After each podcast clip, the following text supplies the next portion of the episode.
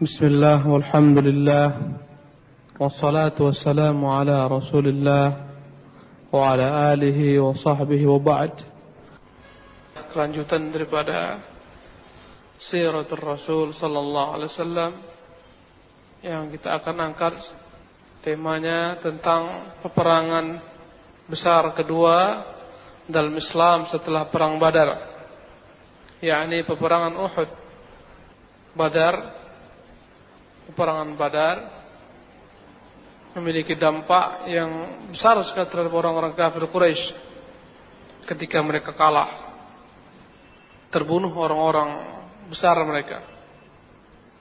Maka setelah Badar mereka bersiap-siap untuk menuntut balas atas kematian pahlawan-pahlawan mereka.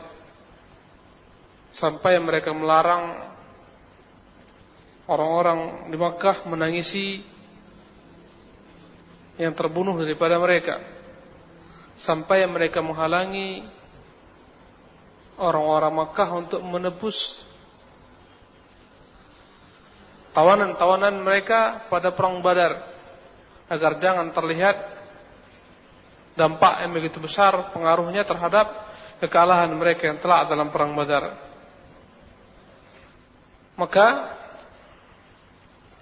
untuk menggalang kembali kekuatan menghabisi kaum muslimin, menuntut balas kekalahan mereka.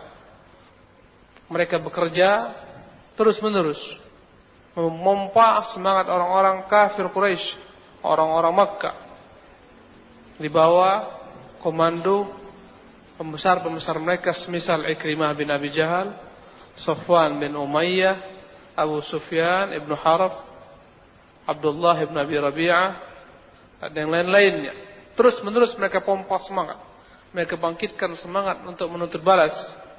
Bahkan kafilah Abu Sufyan yang selamat daripada kaum muslimin yang membawa harta orang-orang Quraisy mereka tuntut agar seluruh perniagaan ini dijadikan sebagai bekal untuk persiapan perang melawan kaum muslimin. Berkata mereka kepada orang-orang Quraisy, "Ya ma'asyara Quraisyin, inna Muhammadan qad watarakum wa qatala khiyarakum." Wahai orang-orang Quraisy, Muhammad telah mengalahkan kalian bahkan membunuh orang-orang terbaik kalian. Fa'inuna bihadzal mal ala harbih. Bantu kami dengan harta ini sebagai bekal memeranginya. La'allana an nudrika minhu tha'ra. Semoga kita dapat menuntut balas kematian pahlawan-pahlawan kita. Maka mereka semuanya sepakat rela mengikhlaskan Allahu Akbar. Mereka ikhlaskan harta mereka ini sebagai bekal untuk perang melawan kaum muslimin yang jumlahnya sejumlah seribu ekor unta dengan semua tunggangannya yang di atasnya harta dalam bentuk dinar sebanyak 50 ribu dinar besar. Maka Allah subhanahu wa ta'ala turunkan ayat dalam Al-Quran Karim yang menceritakan bagaimana orang-orang kafir yang mereka terus menerus berinfak untuk kebatilan mereka. Allah turunkan dalam surah Al-Anfal ayat 36 ayat yang berbunyi innal ladzina kafaru yunfiquna amwalahum liyasuddu an sabilillah. Fasayunfiqunaha thumma takunu alaihim hasratan thumma yughlabun. Walladzina kafaru ila jahannam yuhsyarun. Allah katakan tentang mereka ini yang berinfak mengeluarkan harta untuk memerangi kaum muslimin menghabisi Islam. Allah turunkan ayat yang artinya sungguhnya orang-orang kafir mereka yunfiqun dengan kata-kata fi'il mudhari yang artinya mereka berinfak yang menerima istiqbal. Terus menerus mereka sampai masa akan datang yunfiquna amwalahum. Akan mengeluarkan harta mereka. Tujuannya apa? Liyasuddu an sabilillah. Untuk menghalangi manusia daripada jalan Allah. Allah katakan fasayunfiqunaha. Maka pasti mereka akan terus menerus menginfakannya thumma takunu alaihim hasrah thumma yughlabun kemudian mereka menyesal kemudian mereka dikalahkan dan orang-orang kafir akan digiring ke neraka jahanam. Ikhwan rahimanillah wa yakum. Ayat ini menjelaskan karakter orang-orang kufar pada masa Nabi yang mereka itu berinfak untuk kebatilan, menghalangi manusia dari Allah. Tapi ini ayat berlaku untuk seluruh musuh-musuh Islam. Tidakkah antum melihat bagaimana musuh-musuh Islam mereka berinfak pagi sore siang malam untuk kebatilan mereka, menyebarkan dakwah mereka, menyebarkan misi mereka untuk menyesatkan kaum muslimin. Berbagai macam cara mereka gunakan. Ya, daripada cara kekerasan maupun daripada perang fisik maupun perang bersyarat cuci otak mereka semua buat peperangan salibiyah dan seterusnya fasayunfiqunaha. Mereka akan terus-menerus menginfakkan harta mereka. Bahkan mereka tidak segan-segan mengeluarkan banyak harta untuk menghabisi kaum muslimin mengodomba antara mereka. Taib.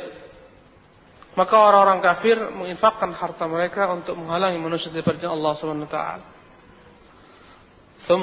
Kemudian setelah mereka ikhlaskan 50 ribu dinar, 1000 ekor unta, ikhlaskan mereka ikhlaskan untuk kebatilan mereka, menghalangi manusia dari jalan Allah. Kemudian mereka kembali cari donor, yakni cari donasi, cari donatur, subhanallah. Mereka mendatangi kabilah-kabilah yang terikat persekutuan dengan mereka. Seperti ahlu Kinana, ahlu Tihama, dan lain-lainnya. Ghatafan. Berbagai macam cara mereka gunakan. Mereka datangi kabilah-kabilah terikat kesepakatan dengan mereka, ya, sekutu-sekutu mereka untuk membantu biaya peperangan besar ini. Peperangan yang akan menghabisi kaum muslimin menuntut balas kematian pahlawan-pahlawan mereka. Sampai-sampai setiap individu daripada mereka ini, Sofwan bin Umayyah contohnya, berupaya untuk membangkitkan semangat orang-orang kafir Quraisy dengan berbagai macam cara. Di antaranya, cara yang dia perbuat, ada seseorang penyair yang bernamanya Abu Izzah.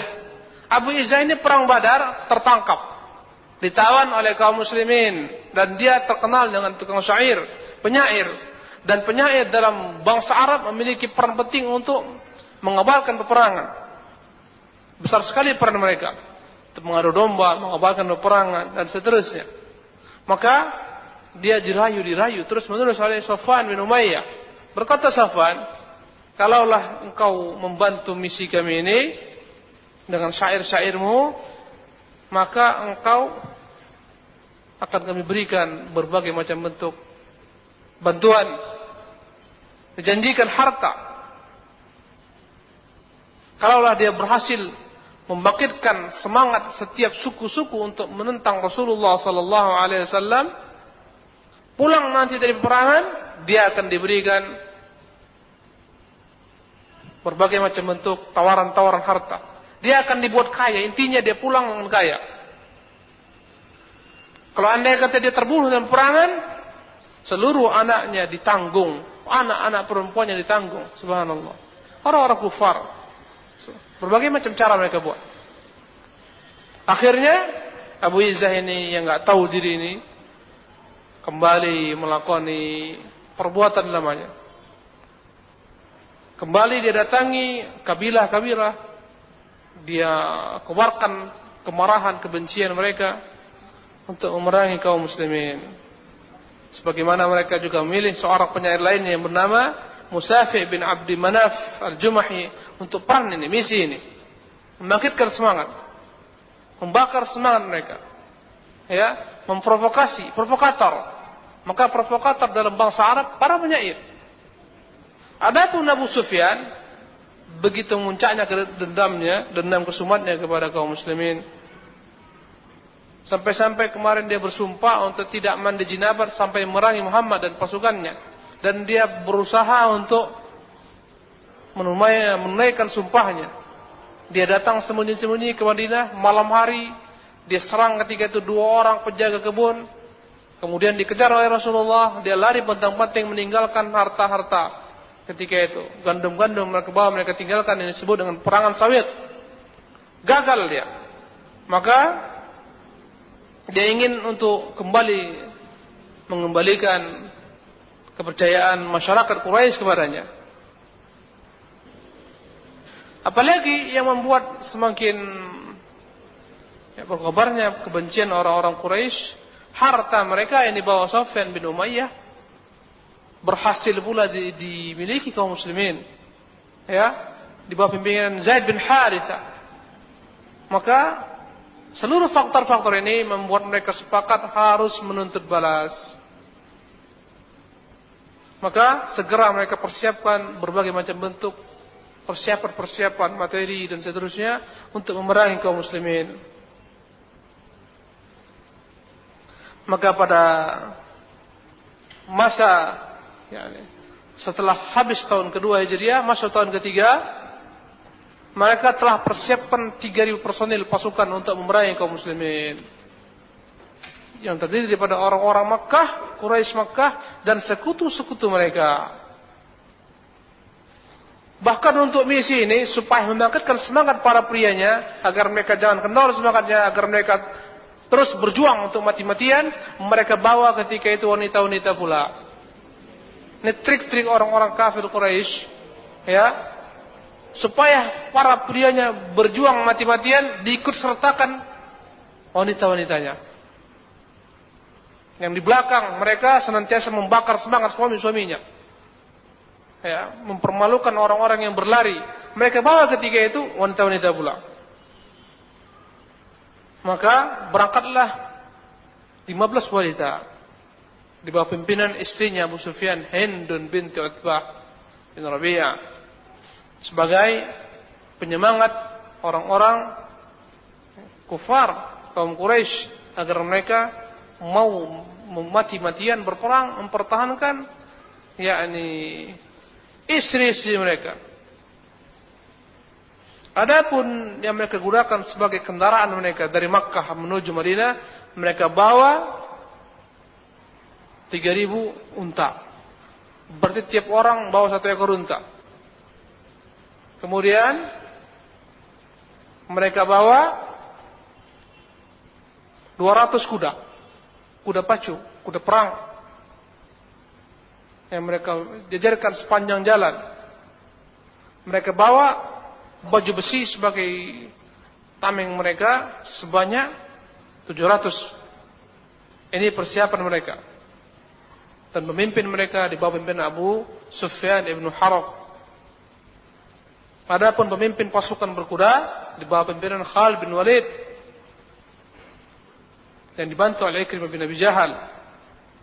Adapun bendera mereka dibawa oleh Bani Abiddar karena turun temurun mereka sejak masa Qusay bin Kilab ke bawah. Kalau berperang orang Quraisy maka keturunan daripada Abduddar yang terus menerus membawa bendera dalam peperangan. Bergeraklah pasukan Makkah dari Makkah menuju Madinah dalam keadaan kebencian yang bersangatan dendam kesuman untuk menghabisi kaum muslimin maka melihat keberangkatan mereka Abbas bin Abdul Muttalib yang ketika itu di Makkah ketika perang Badar dia turut tertawan karena dipaksa orang-orang kafir Quraisy berperang kemudian dia ditebus dikembalikan dia segera kirim surat kepada Rasulullah karena Abbas telah Islam. Dia kirim surat kepada Rasulullah sallallahu alaihi wasallam menjelaskan keberangkatan pasukan musuh. Dalam tempo tiga hari, utusan Abbas bin Abdul Muttalib radhiyallahu taala anhu ini sampai ke Rasulullah ketika Rasulullah di masjid diberikan surat memberitahukan bergeraknya tentara-tentara Makkah. Tiga hari. Padahal biasanya mereka menempuh satu minggu, ini tiga hari. Menunjukkan betapa cepat yang dia gunakan eh, untuk menempuh jarak yang begitu jauh. Sejarak 500 kilo. Ya, tiga hari dia sampai. Ketika Nabi membaca surat ini, dibaca oleh Ubay bin Ka'ab, Rasulullah perintahkan untuk menyembunyikan yakni surat ini terlebih dahulu, misinya, isinya. Segera Rasulullah sallallahu alaihi wasallam kumpulkan ketika itu orang-orang muhajir dan ansar untuk bermusyawarat. Maka berubahlah keadaan kota Madinah dalam keadaan darurat. Setiap orang Rasulullah perintahkan untuk bersiap-siap karena nggak tahu kapan musuh datang. Semua ke mana-mana mereka bawa senjata. Emergensi, keadaannya darurat sekali. Ke mana pun mereka bawa senjata. Sampai ketika salat mereka bawa senjata. Persiapan. Karena nggak tahu, nggak terduga bagaimana. Boleh saja musuh datang secara tiba-tiba. Adapun Rasulullah SAW sekelompok kecil daripada pemimpin-pemimpin pemimpin orang Ansar yang menjaga Rasulullah sallallahu alaihi wasallam. Di antaranya Sa'ad bin Ubadah, Sa'ad bin Mu'ad, Usaid bin Hudair. Mereka menjaga Rasulullah sallallahu alaihi wasallam di depan pintu rumah beliau sallallahu alaihi wasallam. Adapun pasukan-pasukan kecil telah ditempatkan Rasulullah menjaga sekeliling kota Madinah berjaga-jaga persiapan untuk uh, apa namanya mengetahui kedatangan musuh. Kemudian Rasulullah sebarkan beberapa mata-mata untuk mencari berita sampai di mana gerangan pasukan musuh Islam, orang-orang kafir Quraisy. Ikhwani rahimanillahu wa iyyakum ajma'in. Adapun orang-orang musyrikin, mereka telah sampai ke Abwa. Abwa itu tempat ke Madinah. Di sana dikuburkan dikuburkan ibu Rasulullah SAW, Aminah. Ketika mereka sampai di Abwa, Hind dan binti Utbah memberikan usulan agar dibongkar saja kuburan ibu Rasulullah sallallahu alaihi wasallam. Dibongkar, dilecehkan. Hampir-hampir mereka bongkar kalau bukan karena Abu Sufyan takut yakni musibah yang menimpa mereka dia takut kualat maka pasti mereka telah bongkar kuburan ibu Rasulullah sallallahu alaihi wasallam ini menunjukkan betapa dendamnya mereka. Hindun, bapaknya terbunuh dalam perang Badar. Uthbah bin Rabi'ah terbunuh. Maka begitu dendamnya dia kepada Rasulullah sallallahu alaihi wasallam. Mereka terus berjalan bergerak. Mereka telah mendekati kota Madinah. Mereka mengambil jalan Wadi Al-Aqiq yang sekarang masih ada lembah di kota Madinah yang kalau hujan turun itu akan dipenuhi oleh air. Kemudian dia belok ke kanan, Sampailah dia ke dekat gunung Uhud. Di tempat yang disebut dengan nama Ainain. Di sisi lembah. Yang tempatnya kira-kira di arah utara kota Madinah. Di sana mereka buat markas. Mereka bangun tenda-tenda mereka. Tepat pada hari Jumat. Pada bulan Syawal. 6 Syawal. Tahun ketiga Hijriah. Syawal. Ya tahun ketiga Hijriah. Adapun perang Badar Ramadan tahun kedua Hijriah. Setahun jaraknya. Setelah sampai berita tentang keberadaan musuh, maka Rasulullah sallallahu alaihi wasallam kumpulkan para senior-senior sahabat. Beliau sebutkan tentang mimpi yang beliau lihat.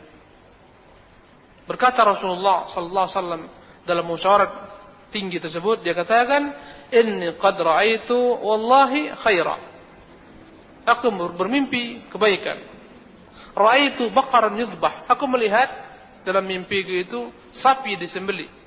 Wa ra'aitu fi dhubabi sayfi thulman.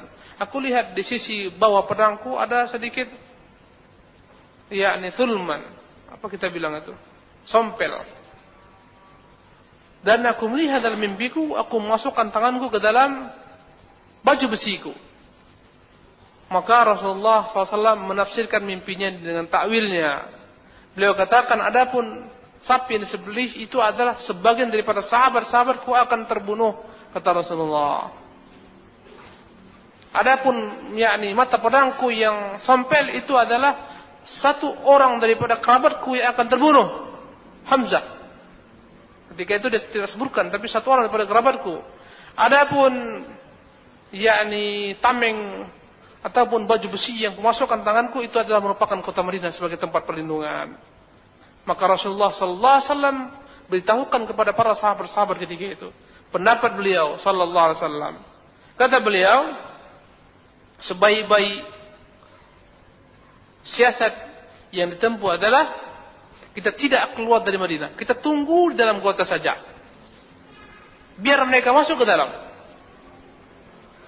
Kalaupun mereka tetap di tempat mereka, tempat itu yang berada di Ainain tempatnya tidak tidak bersahabat, tempatnya tandus, kering kerontang, tidak berair, pasti mereka akan segera pulang. Kalaupun mereka masuk ke Madinah, kita akan memerangi mereka semuanya.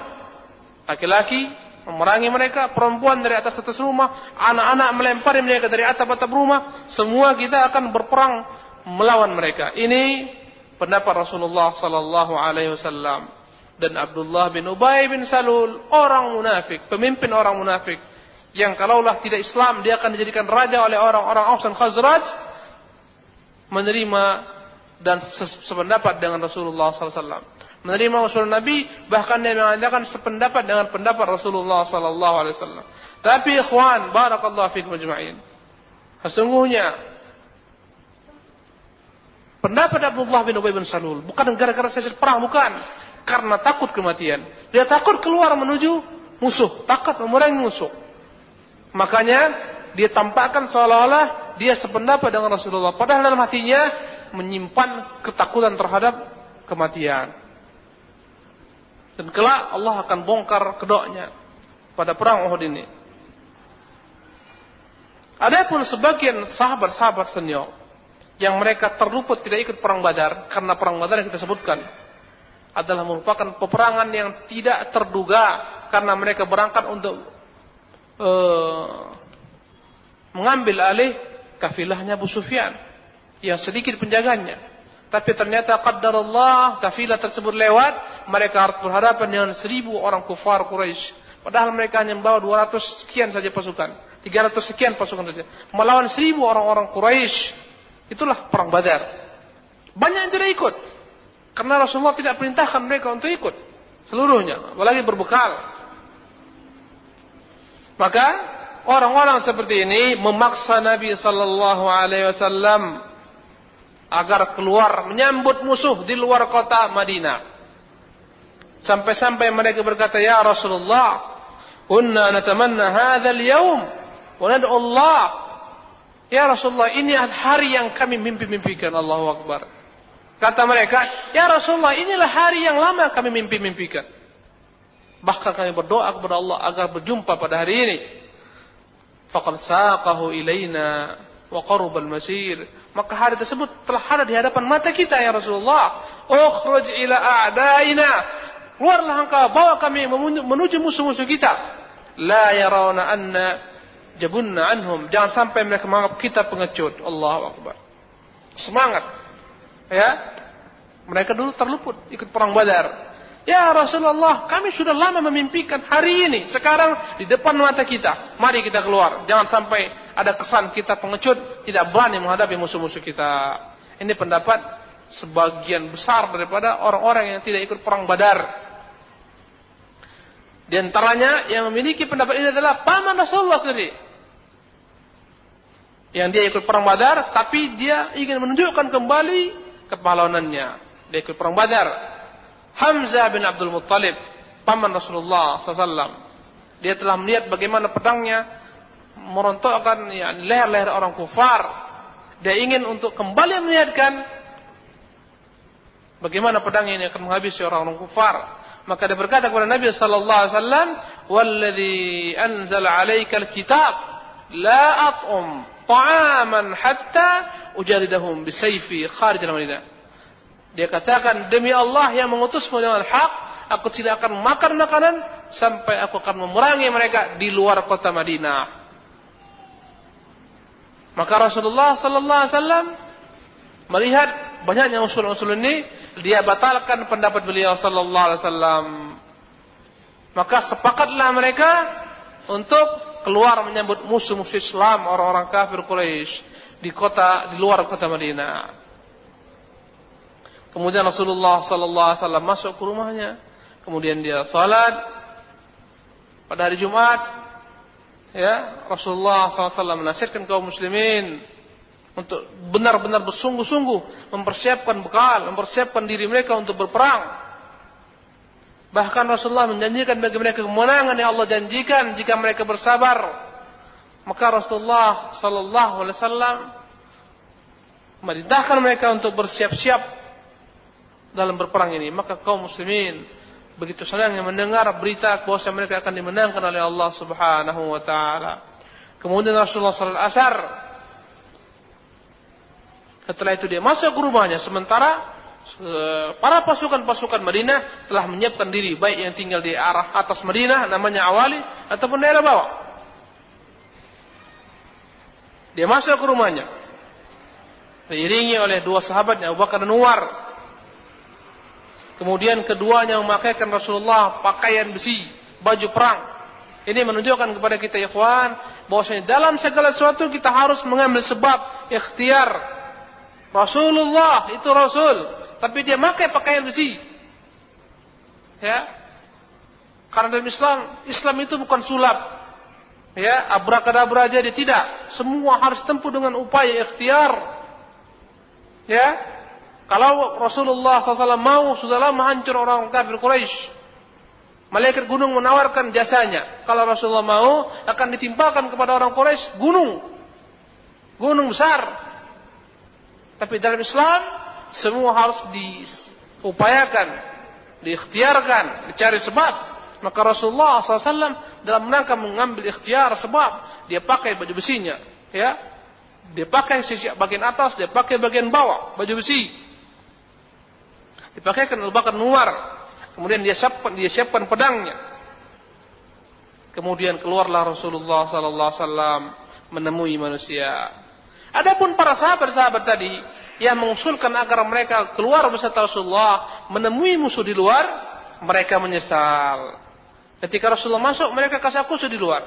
Kenapa kita paksa Rasulullah? Kenapa tidak kita ikut pendapat Rasulullah SAW? Kenapa kita harus paksakan keinginan kita? Maka keluarlah Rasulullah sallallahu alaihi disambut oleh para sahabat-sahabat dengan penyesalan mereka mengatakan, "Ya Rasulullah, janganlah kamu terpaksa. Tidak mengapa kita kembali mengambil pendapatmu. Biar kita bertahan di kota Madinah." Berkata Rasulullah sallallahu sallallahu alaihi wasallam, "Ma yanbaghi linabiyyin idza labisa la'amadah an yadha'aha hatta yahkum Allahu bainahu wa bain aduwwi." Tidak layak bagi seorang nabi jika telah dia bersiap-siap memakai pakaian besinya, bersiap diri untuk berperang, tidak boleh bagi seorang nabi kembali membuka pakaian besinya, tapi dia harus berangkat menemui musuh-musuh Allah sampai Allah SWT putuskan perkara antara mereka dan dengan musuh-musuh Islam. Maka berangkatlah Rasulullah sallallahu alaihi wasallam dan para sahabatnya. Dan sebelumnya Rasulullah membagi mereka menjadi tiga bagian. Kelompoknya orang-orang muhajirin Ketika itu yang membawa benderanya pancinya adalah Mus'ab bin Umair radhiyallahu an. Kemudian bendera orang-orang Aus dari Ansar karena Ansar terdiri dari dua suku Aus dan Khazraj. Bendera Aus ini dibawa oleh Usaid bin Hudzair. Yang ketiga adalah pasukan Khazraj dari Ansar. Yang membawa benderanya adalah Al-Hubab bin Munzir. Dan mereka terdiri daripada seribu personal pasukan. Di antara mereka hanya satu seorang saja yang pakai pakaian besi, yang pakai tameng. Kemudian hanya 50 saja kuda mereka. Bahkan dalam sebagian riwayat mereka tidak ada satu ekor pun kuda tunggangan untuk dipacu dalam berperang. Ketika itu Rasulullah SAW berikan amanah untuk kota Madinah menjadi imam Ibnu Umi Maktum dengan orang-orang yang di Madinah. Maka Rasulullah permaklumkan agar pasukan segera bergerak meninggalkan kota Madinah menuju Uhud. Menuju musuh. Berangkatlah mereka ke arah utara. Adapun Sa'ad bin Ubadah dan Sa'ad bin Mu'ad mereka dengan pakaian besinya berjalan di, di hadapan Rasulullah sallallahu alaihi wasallam sebagai perisai bagi Rasulullah sallallahu alaihi wasallam. Ketika Rasulullah sampai di Saniyatul Wada, Rasulullah melihat ada pasukan lain. Pasukan yang mereka memiliki perlengkapan senjata yang lengkap dan mereka uh, memiliki yakni apa nama pasukan yang baik format pasukan yang baik, Rasulullah heran dan bertanya kepada para sahabat, siapa mereka? Berkata para sahabat, mereka adalah orang-orang Yahudi yang merupakan sekutunya orang-orang Khazraj. Mereka ingin membantu sekutu mereka orang-orang Khazraj untuk memerangi orang-orang musyrikin. Maka Rasulullah bertanya kepada para sahabat, apakah mereka, yakni pasukan ini telah Islam? Berkata sahabat, tidak ya Rasulullah. Maka Rasulullah enggan menerima bantuan mereka.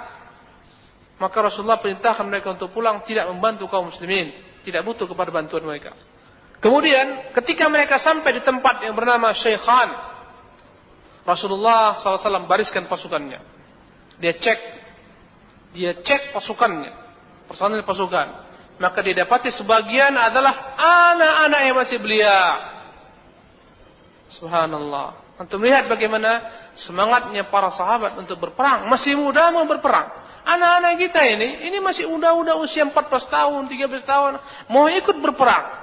Ini pada usia SMP. Yang anak sekarang masih buang ingus pun belum sempurna mungkin. Subhanallah. Manja sama orang tuanya. Udah pandai lagi bercewek. Subhanallah. Kerja nggak pandai. Ngapain nggak pandai. Lihatlah generasi para sahabat. Maka ketika Rasulullah membariskan pasukannya, dia lihat ketika itu anak-anak belia yang belum lagi balik, semisal Zaid bin Thabit, Zaid bin Arqam, Urwah bin Aus, Amr bin Hazm, Abu Sa'id Al-Khudri, Zaid bin Haritha Al-Ansari, Sa'ad bin Habbah, Barra bin Azib. Maka ketika Rasulullah melihat pasukan-pasukan ini berbayat sebagai yakni menyandang senjata, berperang, Rasulullah talak mereka semua disuruh kembali pulang. Allahu Akbar. Suruh balik. Suruh pulang. Subhanallah. Lihatlah bagaimana kaum muslimin berhasil mendidik anak-anak mereka untuk mencintai Islam. Siap menumpahkan darah mereka untuk Islam. Betapa agung. Ya, betapa berhasil Rasulullah mendidik mereka para sahabat-sahabat Rasulullah sallallahu alaihi wasallam sehingga anak-anak mereka yang anak-anak kita sekarang nggak tahu apa di otak mereka kita nggak tahu kumpul-kumpul dengan gengnya buat onar konsumsi narkoba Kadang-kadang seks bebas wal'iyadzubillah. Para sahabat, anak-anak kecil mereka ingin berperang. Cita-citanya adalah syahadah fi sabilillah, mati syahid. Ada dua orang yang Rasul terima, Abu Rafi bin eh, yani Rafi bin Khadij dan Samurah bin Jundub. Dua orang ini yang diterima Rasulullah. Kenapa? Karena terkenal Rafi bin Khadij ahli panah. Subhanallah. Ketika dia dilihat masih kecil, Rasulullah perintahkan dia untuk pulang. Dia katakan sahabat, ya Rasulullah, anak ini pintar memanah. Tepat panahannya. Rasulullah tes, ternyata memang dia bisa diuji, jago. Memanah, ahli panah. Maka Rasulullah terima dia. Masih kecil diterima. 14 tahun umurnya diterima. Berkata ketika itu, yakni Samurah bin Jindab, ya Rasulullah, kenapa kau terima dia? Kata Rasulullah, dia ahli mana? Aku mampu mengalahkannya. Dalam bergulat. Maka Rasulullah perintahkan keduanya bergulat. Dan berhasil ketika itu. yakni Samurah bin Jundub mengalahkan. Mengalahkan Rafi bin Khadij. Di hadapan Rasulullah keduanya bergulat. Dalam rangka subhanallah. Agar dapat diluluskan masuk sebagai tentara kaum muslimin. Gak payah jago-jago ikhwan ketika itu. Ya, tapi keahlian ketika itu berhasil ditumbangkan dengan sebentar oleh sahabat Rasulullah SAW yang masih kecil ketika itu Samurah jatuh Rafi' bin Khadij. Kedua-duanya diluluskan Rasulullah SAW hanya dua orang saja yang belum balik yang boleh ikut berperang. Maka di tempat ini mereka sholat maghrib. Kemudian mereka sholat isya dan mereka bermalam di tempat ini. Dan Rasulullah telah pilih 50 orang sebagai penjaga malam yang menjaga seluruh kem-kem mereka.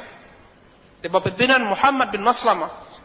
Ya, pahlawan Islam yang kemarin kita ceritakan bagaimana dia berhasil mengkelabui Ka'ab al-Ashraf, membunuh Ka'ab al-Ashraf. Orang Yahudi. Adapun yang menjadi pemimpin pasukan yang menjaga Rasulullah SAW adalah Zakwan bin Abdul Qais radhiyallahu taala anhu. Ketika salat subuh, sebelum salat subuh mereka telah bergerak berarti masih malam, belum lagi fajar, mereka bergerak berjalan sampai di tempat yang namanya Syaud baru mereka sholat subuh berjemaah. Yang mana tempat itu sangat dekat dengan musuh. Mereka telah melihat musuh dan musuh telah melihat mereka. Ketika terlihat musuh, inilah waktu yang sangat penting bagi Abdullah bin uh, Ubay bin Salul menunjukkan ya, menunjukkan kepengejutannya, menunjukkan kemunafikannya. Maka dia ajak para pengikutnya 300 orang untuk kembali ke kota Madinah. Subhanallah. Di hadapan musuh. Musuh nampak mereka kembali. Apa apa apa apa kata mereka? Apa alasan mereka? La na'lamu qitalan nattaba'nakum. Allah menyingkapkan yakni kebusukan Abdullah bin Ubay bin Salul. Kata mereka, kayaknya ini enggak ada terjadi peperangan ini. Kalau anda kata berperang, kami ikut kalian. Ya.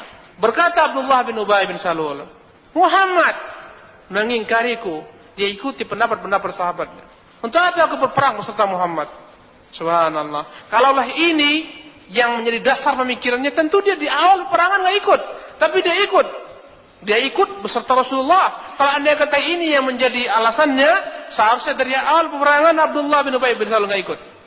Tapi dia ikut sengaja untuk yakni menghancurkan yakni semangat kaum muslimin. Kemudian apalagi dia bawa pasukannya sebanyak 300 orang di hadapan musuh-musuh Islam. Ya, untuk menunjukkan kepada musuh. Subhanallah, alangkah kejinya Abdullah bin Ubay bin Salul. Kenapa dia sebelumnya enggak sebelumnya dia kembali? Ini ketika nampak oleh musuh-musuh Islam. Harapannya kalaulah dia kembali akan goncang pasukan kaum muslimin maka mereka akan meninggalkan Muhammad dan para sahabat-sahabatnya. Kemudian mereka pasti akan dihabisi oleh orang kafir Quraisy. Kalau Muhammad habis, maka akan kembali cita-citanya, ya, dia raih. Apa cita-citanya? Ingin menguasai kota Madinah sebagai pemimpin Aus dan Khazraj. Ini tujuan sebenarnya. Ini sebenarnya tujuannya yang hakiki yang dia sembunyikan dalam hatinya. Ya Allah Subhanahu wa taala singkap untuk menghancurkan semangat para sahabat. Ya, ketika melihat 300 orang kembali, subhanallah. Maka sebagian daripada para sahabat-sahabat hampir-hampir mengikuti mereka. Ada dua, yakni dua kelompok daripada sahabat. Banu Harithah dari Aus dan Banu Salimah dari Khazraj. Kedua suku ini hampir-hampir mengikuti orang-orang Quraisy kalau bukan karena Allah tetapkan mereka, tegarkan pendirian mereka sehingga tetap berperang beserta Rasulullah sallallahu alaihi wasallam. Maka Allah Subhanahu wa taala singkap perkara ini dalam surah Al-Imran ayat 122 Allah katakan, "Idh hammat ta'ifatan minkum minkum an tafshala." Ketika ada dua kelompok daripada kalian hampir-hampir mereka gagal ikut berperang beserta Rasulullah. Wallahu waliyuhuma. Tapi Allah yang menjadi penolong bagi kedua kelompok tersebut. Wa 'alallahi falyatawakkalul mu'minun. Dan hanyalah karena Allah saja. Hanyalah kepada Allah saja bertawakal orang-orang beriman. Adapun Abdullah bin Haram Abdullah bin Haram bapaknya Jabir yakni Jabir bin Abdullah dia mendatangi Abdullah bin Ubay bin Salul memperingatkan memberikan nasihat untuk agar mereka kembali mengikuti Rasulullah berperang. Ya. Terus diikutinya beberapa yakni beberapa langkah terus menerus diikuti, diberikan nasihat, diajak agar mereka kembali. Berkata ketika itu Abdullah bin Haram, "Ta'ala qatilu fi sabilillah idfa'u." Mari kita perang, berperang jalan Allah Subhanahu wa taala. Mari kita bela Allah Subhanahu wa taala. Tapi ungkapan orang-orang Quraisy enggak ada peperangan itu. Muhammad itu hanya mendengar sahabat-sahabatnya tidak mendengar kami. Maka ketika itu berkata Abdullah bin Haram, "Ab'adakumullah." Semoga Allah menjauhkan kalian. Sesungguhnya kalian musuh-musuh Allah dan Rasulullah tidak butuh kepada kalian. Dan Allah akan cukupkan kami tanpa kalian. Subhanallah. Ini ikhwan, ketika dalam bentuk ujian-ujian besar ini akan terlihat pembedaan mana orang-orang jujur, mana orang-orang munafikin. Kalau nggak ada perang Uhud, nggak akan nampak mana orang-orang munafik. Nggak akan tersaring mana orang-orang beriman, mana orang-orang munafik. Liyamizallahu al-khabitha min at-tayyib. Agar Allah membedakan mana yang baik, mana yang keji. Agar tampak ketika itu mana orang-orang munafikin. Maka dalam ujianlah akan tampak mana yang jujur imannya, mana yang berpura-pura beriman. Maka Allah turunkan ayat dalam surah Al-Imran ayat 168 mengenai kisah ini orang-orang munafikin. وَلِيَعْلَمَ الَّذِينَ نَافَقُوا وَقِيلَ لَهُمْ تَعَالَوْا Agar orang-orang munafik tahu, dikatakan kepada mereka, "Qatilu fi sabilillah." Mari berperang bersama-sama dalam jalan Allah SWT. Aidfa'u atau pertahankanlah belalah. Qalu law na'lamu qitalan nattaba'nakum. Mereka berkata, kalau kami tahu akan ada peperangan, kami akan mengikuti kalian. Hum lil kufri yawma idzin aqra minhum lil iman. Padahal mereka pada itu lebih dekat kepada kufuran daripada keimanan yaquluna bi afwahihim ma laysa fi qulubihim wallahu a'lamu bima yaktumun mereka berkata-kata dengan lisan mereka apa yang tidak terdapat dalam hati mereka dan Allah mengetahui apa pun yang mereka sembunyikan. Jadi ini adalah yakni pembangkangan pertama Abdullah bin Ubay. Padahal baru saja masuk Islam dia. Kapan masuk Islamnya dia? Setelah kaum muslimin menang dalam perang Badar. Dia segan, dia khawatir, dia takut, maka dia berpura-pura Islam. Syawal dia bermasuk Islam. Adapun para sahabat-sahabat Rasulullah, berarti berapa tinggal? 700 orang. Tetap berjalan dengan pasti menghadapi musuh untuk menuju musuh-musuh mereka. Kemudian ikhwan rahimakumullah Rasulullah perintahkan sebagian mereka untuk mencari jalan potong yang paling singkat yang dapat mengetahui gerak-gerik musuh. Maka mereka masuk melalui jalan yakni kebun milik seorang munafik yang bernama Mirba' bin Qaidi. Mereka lewat di kebun tersebut, maka ketika orang munafik ini mengetahui kedatangan kaum muslimin, segera dan dia buta. Segera dia ambil pasir, dia siramkan kepada kaum muslimin. Bahkan dia katakan ketika itu, La andai kata ada terkena yang namanya Muhammad, aku tidak halalkan kebun ini dimasuki olehnya. Hampir-hampir para sahabat membunuh orang tersebut. Berkata Rasulullah, jangan bunuh dia. Laki-laki ini Allah telah butakan matanya dan telah butakan pula mata hatinya. Biarkan dia.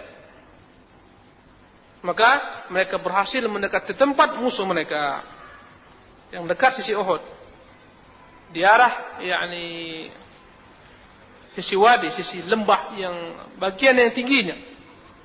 Maka mereka buat di sana kem-kem mereka eh, mengarah ke kota Madinah. Adapun punggung mereka di belakangnya yang menjaga mereka adalah gunung. Gunung Uhud. Maka di situlah mereka bermarkas. Jadi tidak akan mungkin mereka diserang dari belakang karena mereka ketika itu bagian eh, punggung mereka itu adalah merupakan gunung Uhud yang tinggi yang mustahil dapat eh, dikepung oleh musuh-musuh Islam dari arah belakang, di sisi belakang. Kemudian ikhwannya rahimanallahu wa iyyakum ajma'in maka Rasulullah mulai mengatur pasukan-pasukannya. Dipilih Rasulullah ada pasukan-pasukan khusus untuk memanah saja. Sebanyak 50 orang yang dipimpin oleh Abdullah bin Jubair bin Nu'man al-Ansari dari suku Aus yang ikut perang Badar. Rasulullah tempatkan mereka di gunung kecil yang bersebelahan dengan gunung Uhud. Ya, yang sekarang disebut dengan nama Jabal Rumat yang diartikan yakni gunungnya para pemanah, gunung kecil. Kecil, Uhud besar, dia gunung kecil, bukit kecil saja. Di situ ditempatkan 50 para pemanah. Yang mereka tidak jauh daripada pasukan kaum muslimin, sejauh 150 meter saja. Dari pasukan kaum muslimin. Adapun yakni tugas mereka adalah melindungi kaum muslimin daripada serangan-serangan musuh-musuh yang ingin yakni memutar dari belakang arah kaum muslimin. Khalid, para penunggang kuda. Itulah tugas mereka. Jangan sampai ada yang dapat memutar balik dari arah belakang, mengepung kaum muslimin dari arah belakang. Itu fungsi mereka, tugas mereka. Pasukan pemanah yang besar sekali perannya. Ya. Berkata Rasulullah kepada pemimpin mereka ini, Abdullah bin Jubair, "Indah al-khayla anna bin nabli." Jauhkan daripada kami pasukan-pasukan musuh, pasukan-pasukan berkuda musuh. Jangan sampai mereka menyerang kami dari arah belakang kami. Berkata Rasulullah, apa pun yang terjadi dengan kami, baik posisi kami itu di atas, kami menang, atau kami kalah di bawah posisi kami, fasbut maka anak tetap di tempatmu. Jangan sampai kita ini semua kena musibah dari arahmu. Jangan sampai gara-gara kalian kita semua kena musibah kekalahan. Jangan tinggalkan tempat tersebut. Kata Rasulullah SAW. Sampai-sampai Rasulullah pesankan kepada kepada mereka semuanya. Lindungi punggung-punggung kami. Andai kata kalian melihat kami terbunuh, jangan turun. Jangan turun bantu kami. Anda yang katakan kami menang, mengumpulkan harta-harta, jangan kan ikut-ikut kami. Tetap di atas. Sampai dalam riwayat Bukhari disebutkan Rasulullah, Anda yang katakan melihat burung-burung pemakan bangkai mematuk-mematuk kepala kami, jangan tinggalkan tempat kalian sampai ada pesan. Sampai ada pesan daripadaku, perintah daripadaku kata Rasulullah sallallahu alaihi wasallam. Yang katakan melihat kami mengalahkan musuh, menghabisi mereka. Jangan turun kecuali jika telah ada perintah daripada kata Rasulullah sallallahu alaihi wasallam. Maka ini adalah merupakan strategi yang jitu dalam berperang. Jadi tempat kaum muslimin sangatlah strategis sekali. Ya, mereka dilindungi oleh pasukan pemanah dari sisi kanan dilindungi oleh gunung Uhud sehingga mereka tidak akan dapat dikecoh dari arah belakang. Adapun bagian pasukan sebelah kanan pimpin oleh Munzir bin Amr. Yang sebelah kiri dipimpin oleh Zubair bin Awam radhiyallahu taala. Pasukan belakang adalah Miqdad di bawah pimpinan Miqdad bin Al-Aswad. Adapun Zubair ditugaskan Rasulullah SAW untuk memperhatikan pasukan-pasukan berkuda. Itu yang sangat dikhawatirkan Rasulullah SAW. Pasukan berkuda. Dengan gerak cepatnya. Kemudian Rasulullah pilih di tempat terdepan pasukan kaum muslimin adalah pahlawan-pahlawan pilihan. Para pahlawan-pahlawan Islam, para pemberani yang mereka itu bagaikan yakni satu orang tapi bagaikan seribu seribu orang. Rasul tempatkan di sana pahlawan-pahlawan pilihan Islam yang dikenal dengan keberaniannya kepiawaiannya dalam berperang. Yang mana mereka itu satu orang sama nilai dengan seribu orang. Dan ini adalah merupakan strategi jitu dari Rasulullah Sallallahu Alaihi Wasallam yang menunjukkan betapa cerdasnya Rasulullah Sallallahu Alaihi Wasallam dalam mengatur pasukan beliau Sallallahu Alaihi Wasallam. Ikhwani rahimanillahu wa iyyakum ajma'in. Siaplah pengaturan pasukan ini pada pagi hari Sabtu tepat pada hari ketujuh daripada bulan Syawal tahun ketiga Hijriah.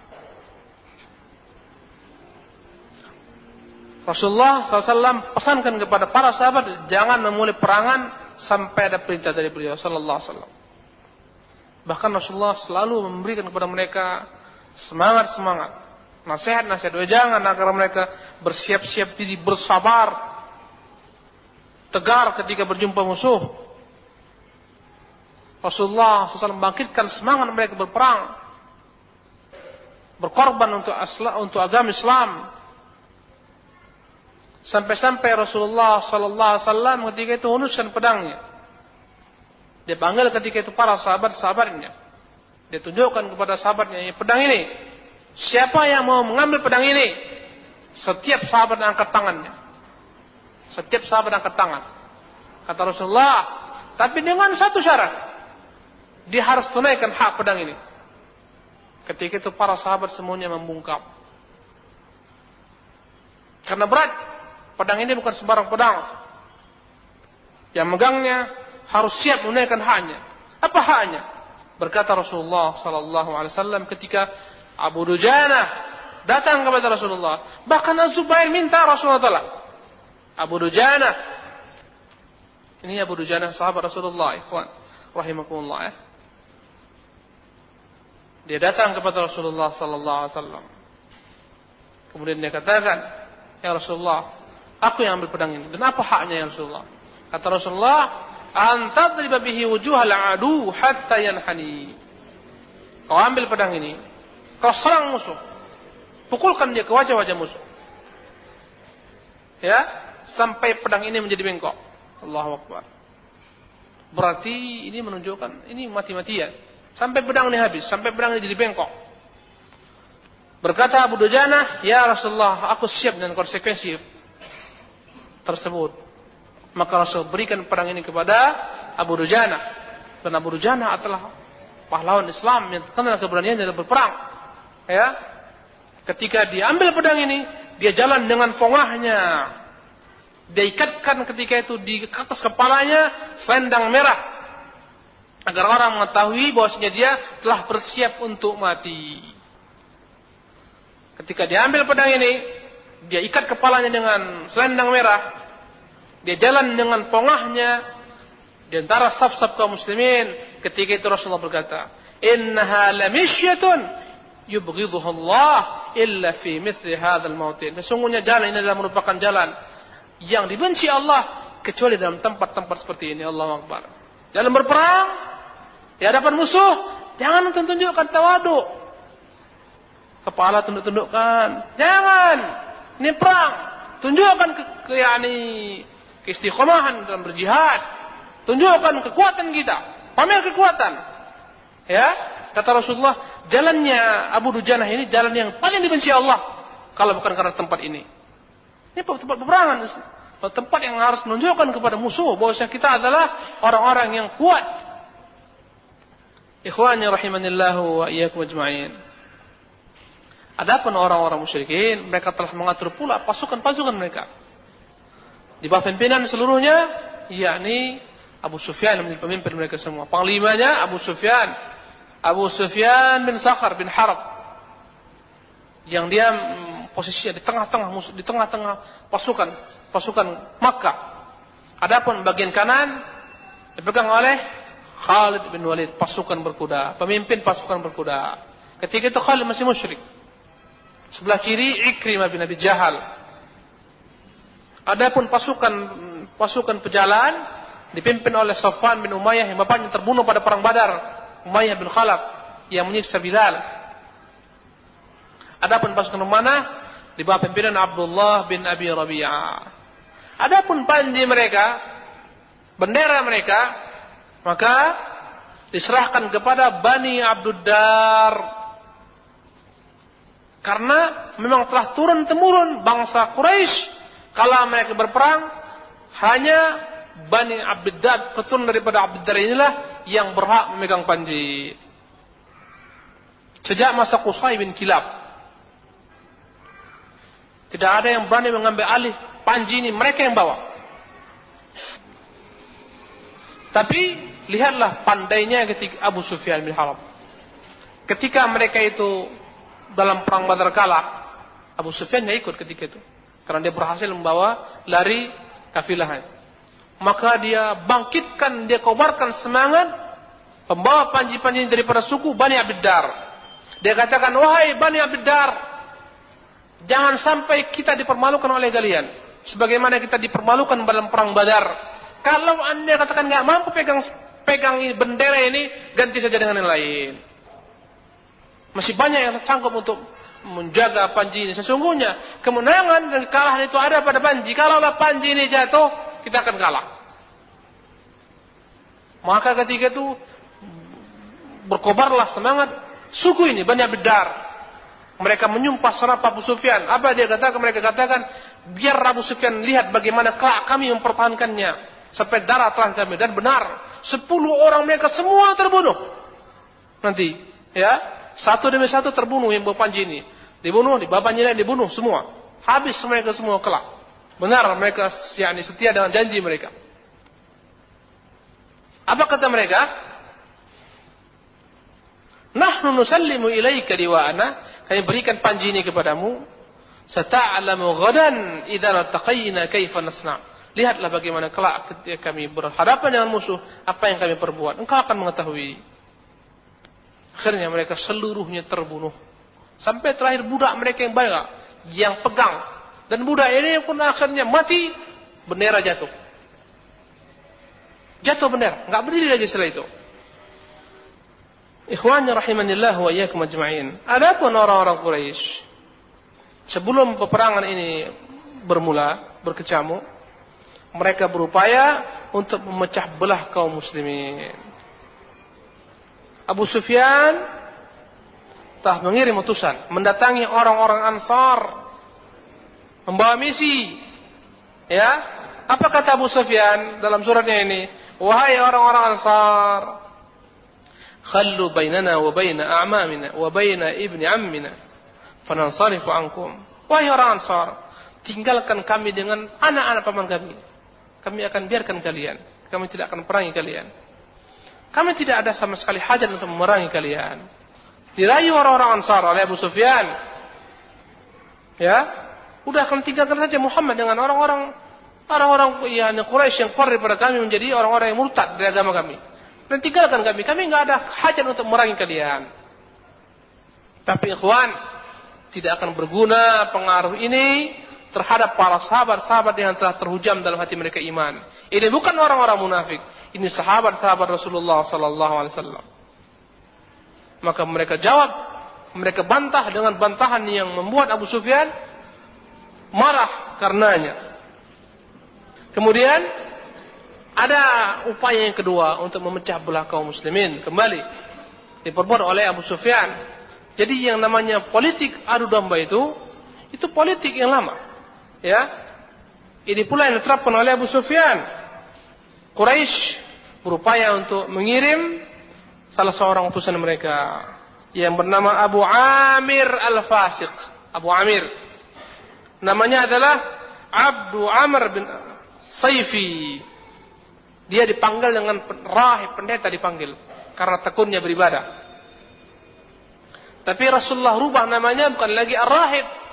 Abu Amir Al-Fasiq karena kefasikannya. Betapa tidak? Ya, dia daripada orang Aus di, di tinggal di Madinah. Ya, dari suku Aus dalam masa jahiliyah. Ketika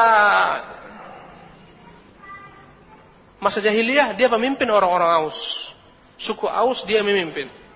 Ketika Islam datang, ya, semua di, diambil alih oleh Rasulullah sallallahu alaihi wasallam, dia tampakkan kebenciannya kepada Nabi wasallam. Dia tinggalkan kota Madinah. Dia berangkat menuju orang-orang Quraisy. Dia bokar, dia kobarkan kebencian orang-orang Quraisy agar memerangi Rasulullah SAW dan para sahabatnya. Bahkan dia janjikan kepada orang-orang Quraisy, wahai masyarakat Quraisy, aku ini dipatuhi oleh Araus. Kalaulah nanti kita berperang melawan Muhammad, aku akan nampak mereka, mereka mereka ku semua mereka akan patuh, akan ikut kepadaku. Dijanjikan kepada orang-orang Quraisy. Kalaulah kaumku suku yakni uh, suku Aus melihatku, mereka semua akan patuh kepadaku, meninggalkan Muhammad. Maka ketika ter, bertemu kedua pasukan Dialah orang yang pertama kali keluar menemui kaum muslimin. Dia seru orang-orang Aus agar mengikuti dirinya, mengikuti orang-orang musyrikin, berpihak kepada orang-orang Makkah. Dia katakan kepada kaumnya, apa kata dia katakan? Ya ma'syar Aus, ana Abu Amir. Wahai ma'syar Quraisy, ingatkah kalian aku ini adalah pemimpin kalian Abu Amir. Tapi apa jawaban para ansar, ansar Rasulullah. Apa jawaban suku Aus? Mereka berkata, La an'amallahu bika ainan ya fasik. Semoga Allah enggak pernah berikan kepadamu nikmat. Wahai orang fasik. Faqal. Maka dia katakan kepada orang-orang Quraisy, Laqad asaba qaumi ba'di syarrun. Ternyata kaumku telah berubah setelah aku tinggalkan. Dia malu. Dia katakan kepada orang-orang Quraisy, Ternyata setelah aku tinggalkan mereka telah berubah. Mereka telah ditimpa kejelekan setelah aku tinggalkan mereka. Maka dalam ketika perangan, dia mati-matian berperang melawan kaum muslimin. Dia lontari kaum muslimin dengan batu. Yang intinya kedua upaya ini untuk mengadu domba kaum muslimin gagal di hadapan iman yang kokoh yang dimiliki oleh kaum muslimin. Ikhwanya rahimanillah wa iyyakum ajma'in. Adapun peran para wanita-wanita yang dibawa oleh orang Quraisy tadi disebutkan, peran mereka adalah membangkitkan semangat para pria. Ya, di bawah pimpinan Hind bin Utbah, istrinya Abu Sufyan, Hind binti Utbah. Mereka ini berjalan di saf-saf. Mereka bawa al-al musik, mereka bawa tabu-tabuhan, mereka pukulkan tabu-tabuhan untuk memberikan semangat kepada para pria untuk berperang.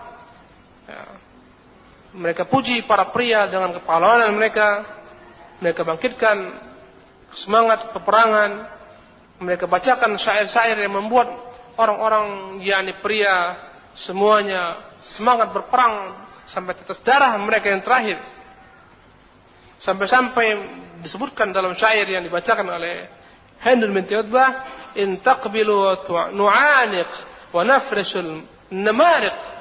Anda yang katakan maju dengan bani, kita akan berpulang dalam keadaan berpelukan.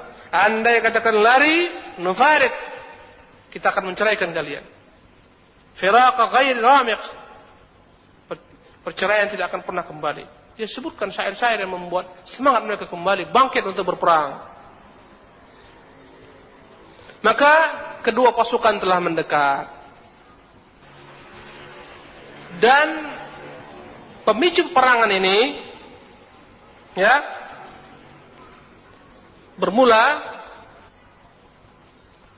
ketika yang membawa panji yang membawa panji peperangan orang-orang Quraisy yang bernama Talha bin Abi Talha Al-Abdari dari Bani Abdar tadi kita sebutkan adalah orang yang paling berani di antara orang-orang Quraisy, yang paling terkenal dengan keberaniannya dalam berperang. Sampai-sampai orang-orang Islam menyebutnya dengan sebutan kabshul ketibah. Ya. Artinya pemimpin pasukan. Seolah-olah domba yang bertanduk yang paling kuat dialah orangnya. Maka dia pertama kali ketika berhadapan dua pasukan ini dia keluar dengan untanya. Diajak perang tanding dan terbiasa untuk membangkitkan semangat dimulai dengan perang tanding. Wahai orang-orang Madinah, siapa yang berani melawanku? Maka terdiam ketika itu seluruh sahabat, masya Allah. Diam mereka. Ini orang bukan tanggung-tanggung ini. Ini orang yang dikenal dengan yakni keberaniannya, kepiawaiannya, kehebatannya dalam berperang.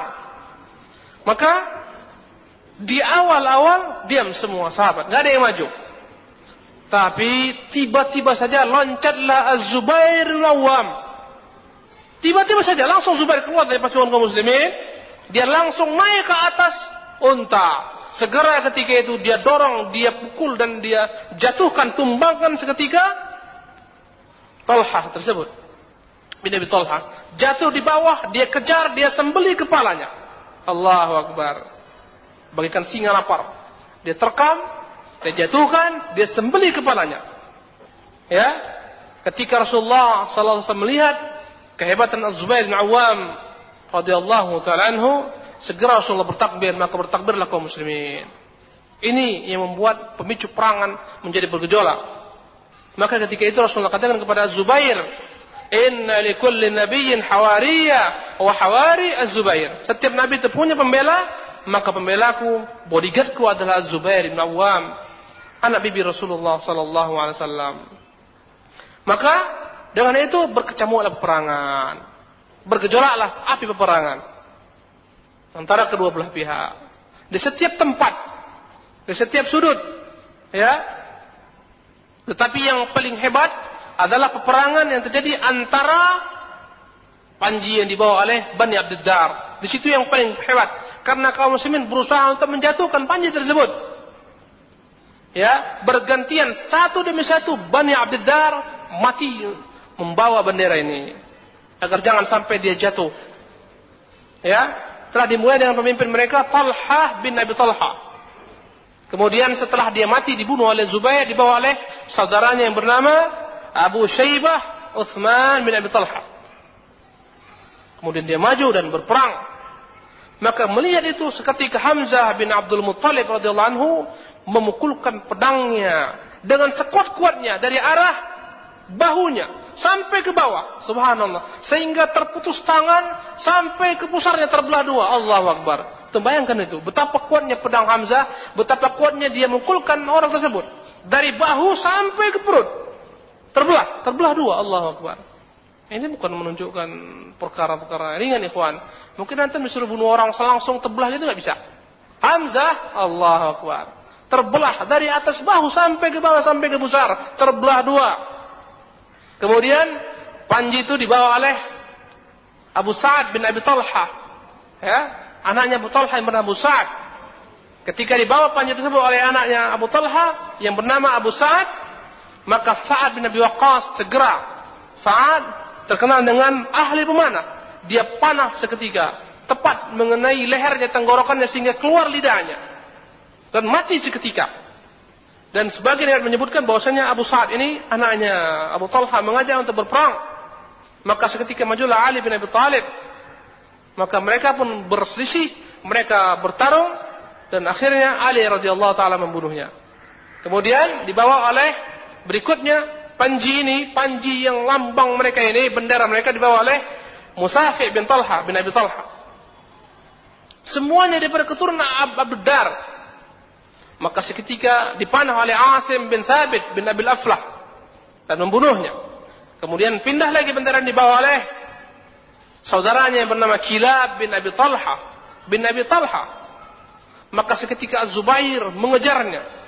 Ya, melompat mengejarnya sampai akhirnya Zubair membunuhnya kembali. Kemudian pindah lagi panji ini dibawa oleh saudaranya yang lain bernama Jallas bin Talha bin Abi Talha.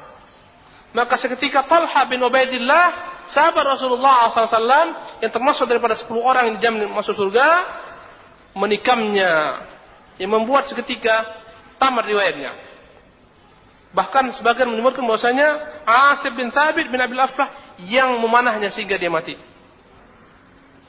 Enam orang ini semuanya daripada satu rumah. Dari rumah Abu Talha.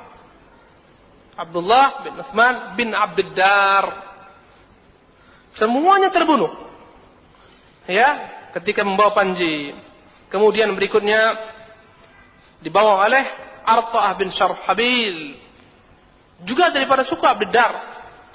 Maka ketika panji ini dibawa oleh dia, Ali bin Abi Talib mengejarnya dan membunuhnya. Dan ada yang menyebutkan Hamzah yang membunuhnya. Kemudian dibawa oleh Shuraih bin Qarid. Kemudian dibunuh oleh Qazman. Dan Qazman ini adalah asalnya munafik. Dan memang dia orang munafik yang ikut berperang karena kesuguhan. Ya, bukan karena Islam. Berperang bukan karena Allah, karena kesukuannya. Karena sukunya berperang, maka dia ikut. Maka dibunuh oleh Qazman. Kemudian berpindah panjang dibawa oleh Abu Zaid, Amr bin Abdi Manaf al-Abdari. Dibunuh kembali oleh Qazman. Ya. Kemudian yang ketiga dibawa oleh Anaknya Syarhabil bin Hashim Al-Abdari juga dibunuh oleh Qazman. Tiga orang dibunuh oleh Qazman sendiri. Maka semuanya sepuluh orang dari Abdul Dar tewas mempertahankan Panji ini. Setelah sepuluhnya tewas, tidak ada satu orang pun yang bersisa kecuali budak mereka. Ya, dari Habasyah, dari Ethiopia yang namanya Sawab. Maka dialah yang mempertahankan bendera. Dia bawa bendera bahkan dia berjuang lebih dahsyat, lebih berani daripada tuan-tuannya sebelumnya. Melebihi tuan-tuannya. Sampai terputus tangannya, dua-dua terputus. Kemudian dia bertahan di bumi, dia pegang semampunya dengan uh, sisi tangan yang ada, dia dekatkan ke dadanya agar tidak terjatuh bendera. Kemudian dia pun terbunuh. Dia dibunuh oleh kaum muslimin. Kemudian dia katakan, Allahumma hal a'zart, u'zart, u'zartu. Yaqulu, a'uzirtu. Kemudian dia berkata, Ya Allah, apakah aku masih juga dikatakan, Ya Allah, apakah aku telah mendapatkan uzur? Karena dia telah mempertahankan sampai titik darahnya terakhir bendera tersebut. Maka setelah terbunuhnya budak ini sawab, jatuhlah bendera orang Quraisy, tidak lagi berdiri setelah itu. Tetap terjatuh. Ikhwani rahimanillah wa iyyakum ajma'in. Walaupun peperangan ini kayaknya memang asik sekali, tapi kayaknya waktu jua yang memisahkan kita. Semoga insyaallah taala kita akan dipertemukan dalam sambungan peperangan ini kesempatan yang akan datang. Aku qauli hadza wa astaghfirullah li wa lakum wa atubu ilaihi wa sallallahu wa sallama nabiyina Muhammadin wa akhir da'wana alhamdulillahi rabbil alamin. Wassalamu alaikum warahmatullahi wabarakatuh.